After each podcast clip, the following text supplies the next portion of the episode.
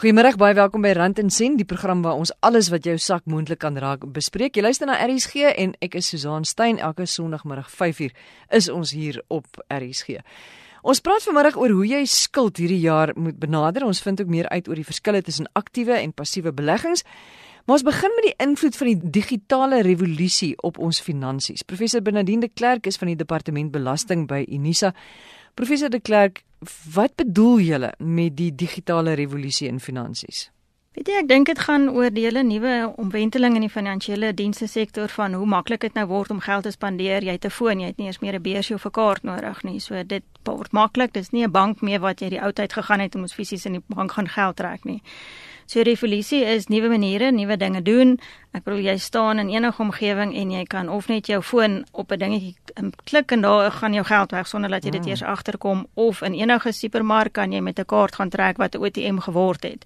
So die ou tradisionele manier van 'n bank met 'n tak en 'n kantoor en 'n tou bestaan eintlik baie min in ons wêreld. I mean dit gaan al hoe minder word in die toekoms. As kind het ek geleer dat jy hou die geld in jou hand en jy gooi dit in jou spaarbusie en jy het gehoor dit daar val mm. en as jy dit gaan uitgee dan jy gedink o, hier moet ek dit nou uitgee en dan is my spaarbusie se maag so leeg die spaarvarkie. Mm. Hoe leer kinders van vandag daai selfde verantwoordelikheid om met geld om te gaan want as ek nou die SnapScan gebruik dan het ek dalk nou minder geld in my spaarvark se maag. Weet jy dis 'n groot uitdaging. Ons doen baie werk oor finansiële geletterdheid wat ons juis kyk want die kinders, veral in die jong ontwikkelingsvlak, is hulle mos nog baie konkreet. So hulle het hierdie idee van 'n ATM is hierdie pot met onbeperkte geld want jy sien net 'n kaart gaan in en hy bly altyd uitspoeg en dan dieselfde. So dis regtig baie moeilik. Ek wil in die ou tyd wat jy jouself sê en die ou mense was eintlik baie meer geletterd as ons want jy het die varkie gehad wat gespaar het vir sissie se troue of boetie se dit of dat. So kinders het dit konkreet geleef. Die die uitdaging wat ons nou het is juis om daai te bring. So daar word baie daarin gespandeer om die kinders te sê gaan kyk daarna, doen daai hele tipe begroting en dan wat hulle fisies doen soos een baie interessante projek was amper terug na daai fisiese kontant voor die kinders neer te sit om te sê maar tel nou jou sente. Ek dink dit gaan oor die begroting en hoe werk 'n internetbankwese en hoe werk 'n staat en dit beteken R10 hier. Ek wil ek het dieselfde met my eie kind gehad. Hy het vinnig R10 hier gespandeer en R50 daar en toe hy ewe skielik aan die einde van die jaar nou wil sien waar sy geld is, daar niks nie. So toe moes mens met hom gaan sit en na realiteit hê van dit wat jy gedink het jy gaan koop is nou weg. So ongelukkig leer hulle bietjie harder op 'n ander manier, maar vir ons weer die uitdaging is dis die lewe waarin die manier hoe hulle werk. So as ons nie daai tegnieke met die selfone gee wanneer jy na die opvoedkundige kant gaan kyk nie met die speletjies en die maniere hoe jy hulle nou moet leer is is in 'n kontantlose omgewing. Presies. Want jy kan hulle nie daai ou tyd se lesie leer van die spaarvarkie nie, nee. want dit dit is nou iets nuuts. Ja net om terug te kom dan na, na hierdie sogenaamde digitale revolusie in jou in die finansiële wêreld. Mm. op watter maniere is daar word dit vir ons deesdae so maklik om om geld uit te gee? Weet jy ek dink is onbeperk nee ek dink is regtig waar jy mens gaan as jy deur die hele lewensloop gaan. Ek bedoel jy betaal jou skoolgeld nou met 'n elektroniese oorplasing as jy 'n kinddiens as jy in die winkel staan gooi jou kredietkaart of 'n debietkaart of baie van hierdie masjiene het jy nie eers meer 'n kaart nodig nie soos jy self sê met die SnapScan. As jy nou deesdae 'n elektroniese meer smartphone het dan kan jy redelik verder doen. En ek bedoel in Suid-Afrika kan ons sien daar's die persepsie van ons is nie met die bankwese genoeg dekking nie. Suid-Afrika het ons ongelooflik dekking. Die probleem kom weer eens terug met die geletterdheid. Mense het almal 'n foon. Dis 'n noodsaaklikheid. Dis nie meer 'n luksheid van mense nie. Dis 'n manier hoe hulle kommunikeer, dis 'n manier hoe hulle by die werk kom. En is dis 'n goeie foon, dis nie net 'n basiese foon nie. So as jy 'n foon het, kommunikeer jy nou in die finansiële wêreld met alles. En data is nog steeds duur, maar dit raak makliker. Ek bedoel die banke gee jou nou toestemming om in hulle tak te gaan sit of met hierdie Wi-Fi spots dan jy weer eens toegang tot jou bankrekening op enige plek. En dit is mobiel van ek sit hier en my kind sit in waar ook al in die Kaap en met twee knoppies op my selfoon het hy geld in sy bankrekening en hy gaan aan. En dan druk hy ook weer twee knoppies en hy gee daai geld. En hy gee weer daai geld uit. So dis regtig die is amper die verantwoordelikheid om regtig daai selfbeheersing te kan moet toepas om te sê En ek bedoel dit gaan oor die gewoonte en die gevoel wat jy kry. Dis lekker, jy voel bemagtig. Dis die ding, want jy weet jy wat, ek meen jy voel al klaar lekker as jy nou winkel toe gaan en jy mm. staan daar met jou geld of jou kredietkaart om mm. ietsie te koop, dan voel jy mm. mos lekker.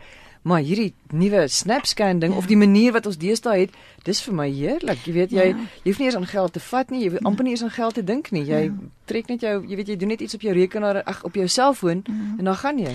Ja, kyk hy die twee kante. Die een kant is definitief daai so uh, waaroor hulle veral na die sielkundige kant gaan kyk as 'n gevoel van bemagtiging. Jy ja. is in beheer van jou finansies, jy is kan doen wat jy wil, jy kan die besluite neem.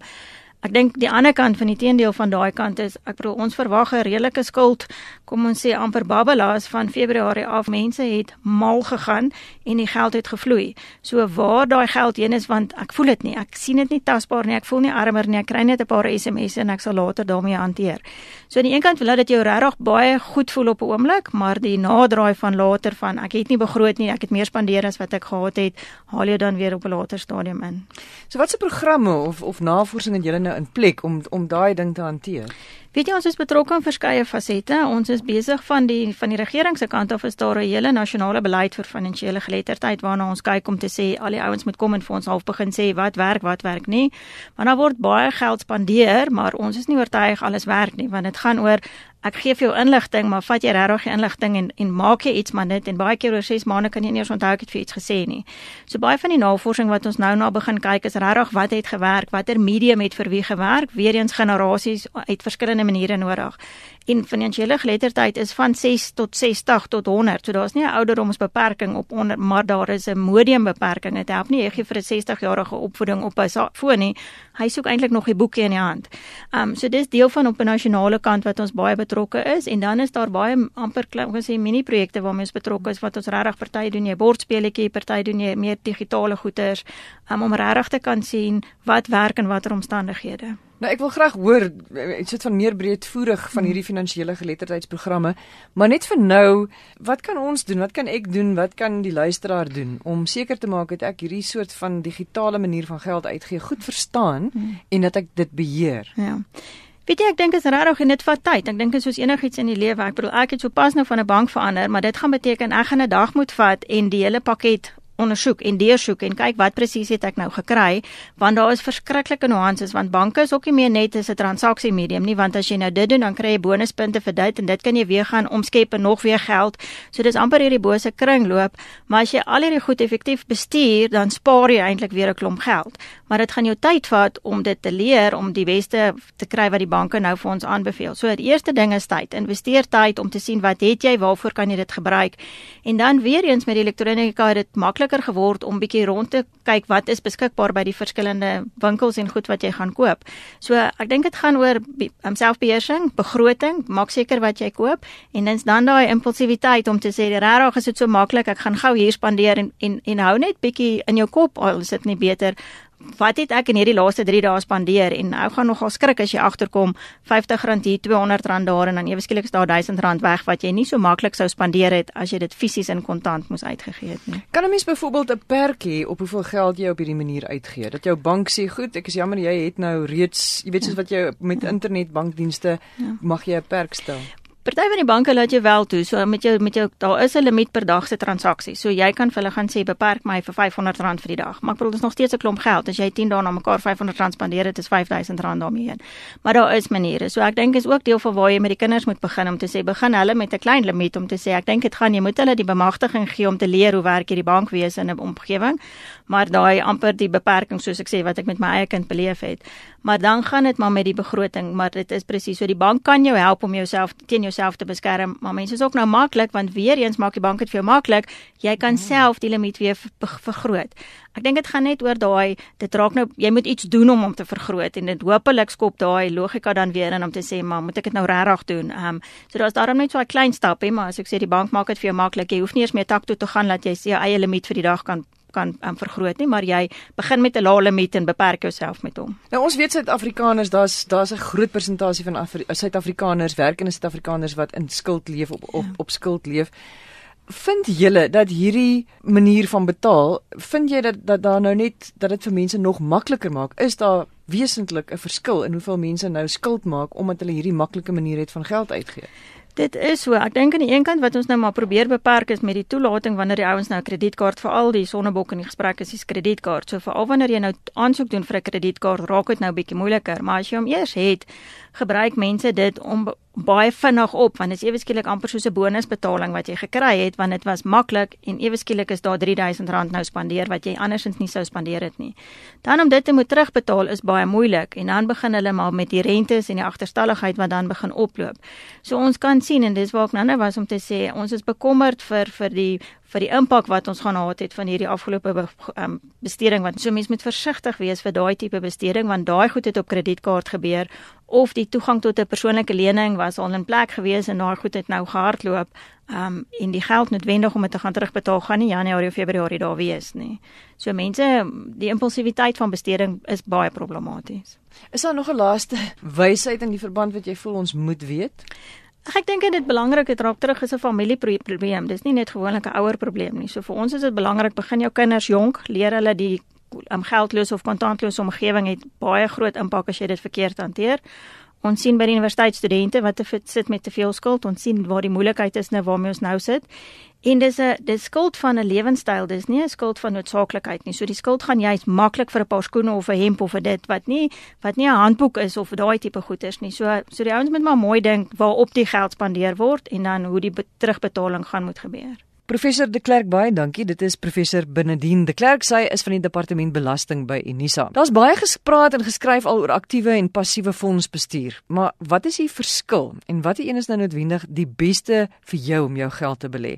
Andrei Tak is 'n beleggingskonsultant by Tenex Investments en Andrei eerstens, wat is aktiewe fondsbestuur? Aktiewe fondsbestuur is wanneer fondsbestuurders hul portefeuilles gereeld bate toedelingsbesluite neem in 'n poging om die markopbrengste te klop oor tyd. Dit beteken hulle het besluit aktief ek wil 'n toedeling hê aan aandele, staatseffekte, genoteerde eiendom, kontant en dan ook wat is my internasionale blootstelling. En as jy deur 'n aktiewe fondsbelegger werk, wat gaan hy dan vir jou doen? Die aktiewe fondsbestuurder gaan uit van die veronderstelling dat hulle kan definitief die aandele selekteer. Byvoorbeeld ons kies Naspers, ons kies Richmond, ons kies SAB ensovoorts ensovoorts. Ons het 'n span analiste en onleerders wat daagliks hierdie besluite neem. So die aktiewe fondsbestuurder het die diskresie oor watter aandele om te koop en watter om in te sluit en watter gewig. Hulle doen dus baie navorsing om te bepaal wat om te koop en wat om te verkoop en wanneer om dit te doen.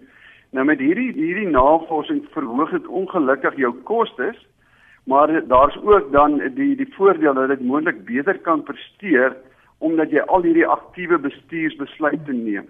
Andrei, die passiewe beleggings of die passiewe fondsbestuur, wat is dit? Dit is definitief die beleggingsstrategie wat wêreldwyd internasionaal baie baie geld wen afloop oor die afgelope twee dekades.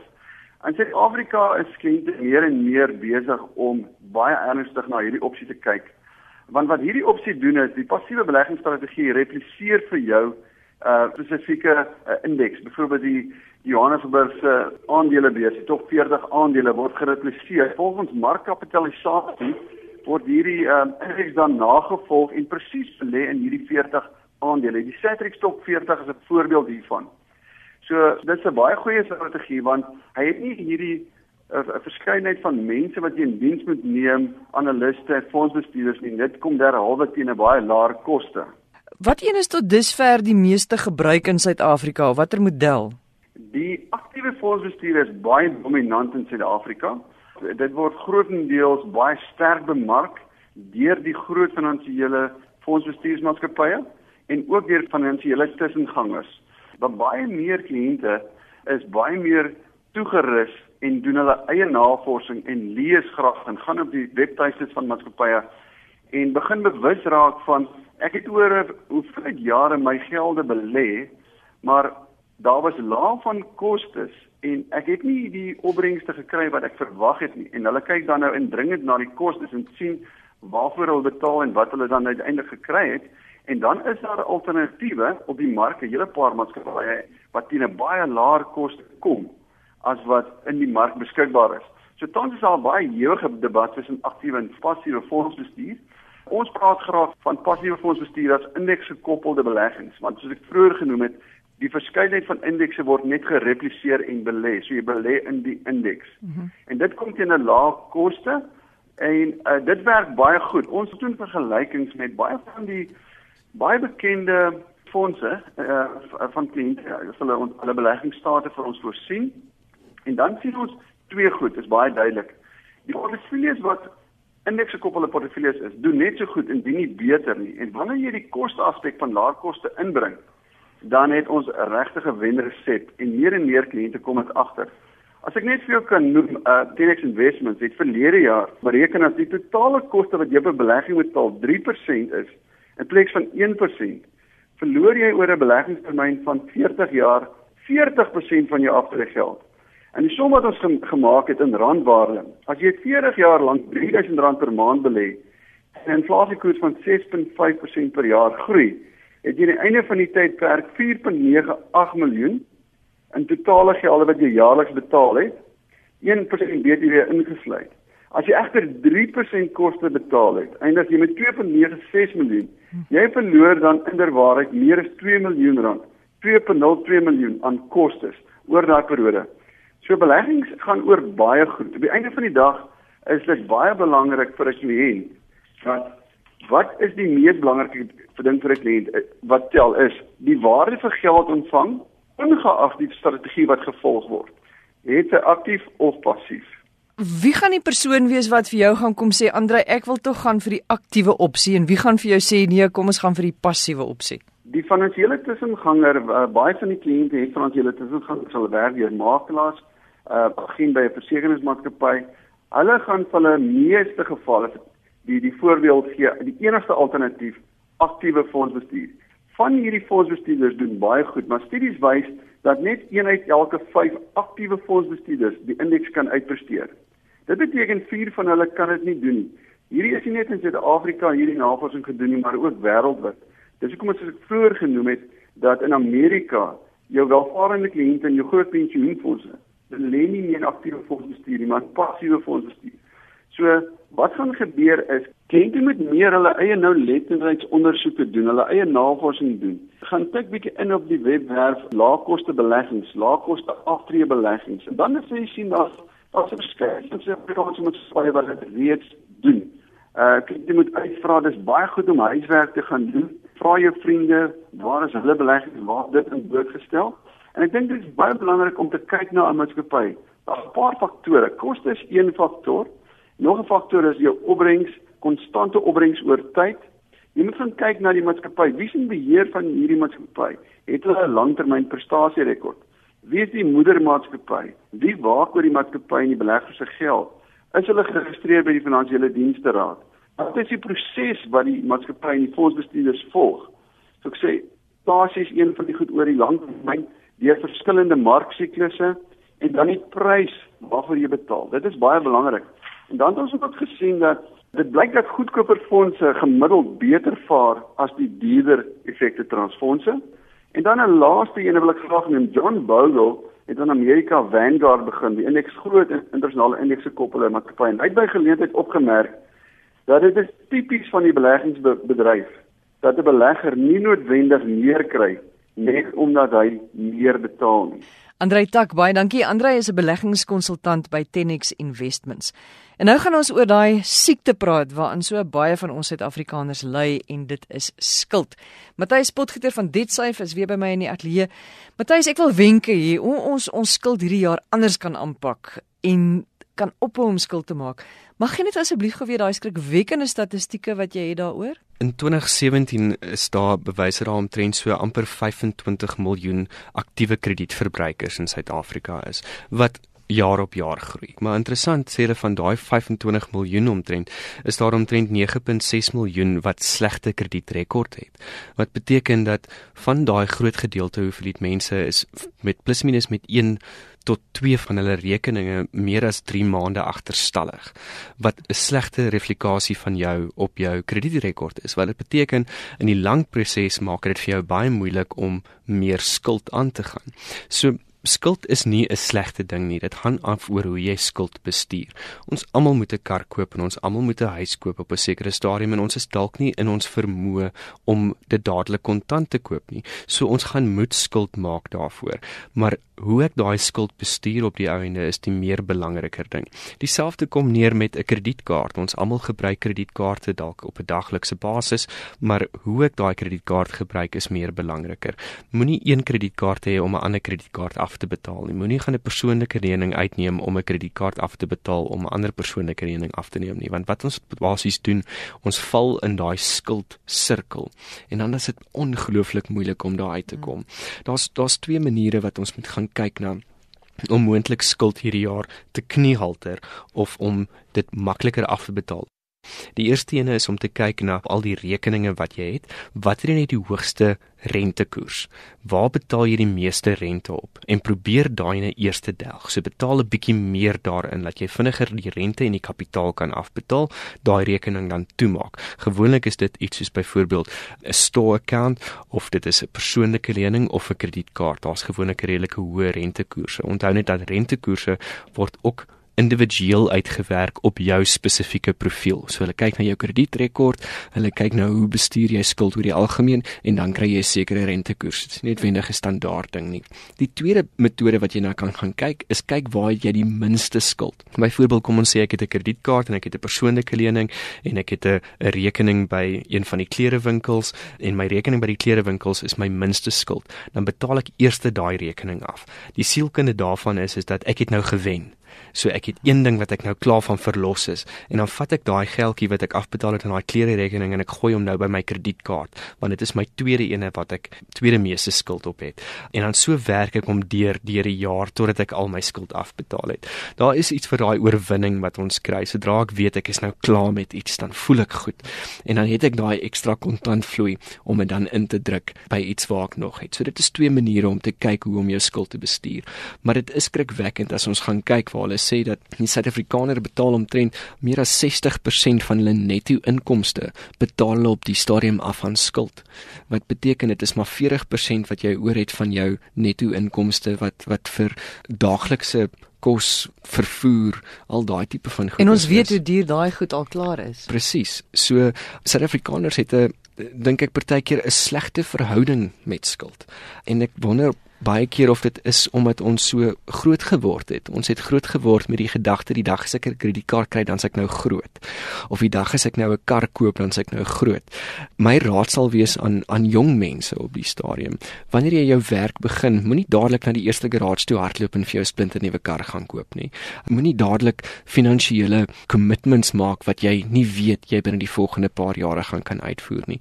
Sit stil, dink 'n bietjie daaroor en maak slim finansiële besluite hierdie jaar jaar en jou eerste besluit moet wees om van jou skuld ontslae te raak want dit is daar waar jy besparings maak op die langtermyn. Julle praat met baie mense wat skuld het en werk met baie sulke mense. Wat is die basiese profiel van die persoon wat geneig is om te veel skuld te maak? Daar's twee verskillende profile. Die een ding wat wat ons moet verstaan dat partykeer gebeur die lewe met mense iets soos dood van 'n familielid, egskeidings, verlies van werk. Daar's eksterne faktore wat partykeer gebeur en dit dompel mense in skuld. Iets waarvoor ons nie beplan het nie.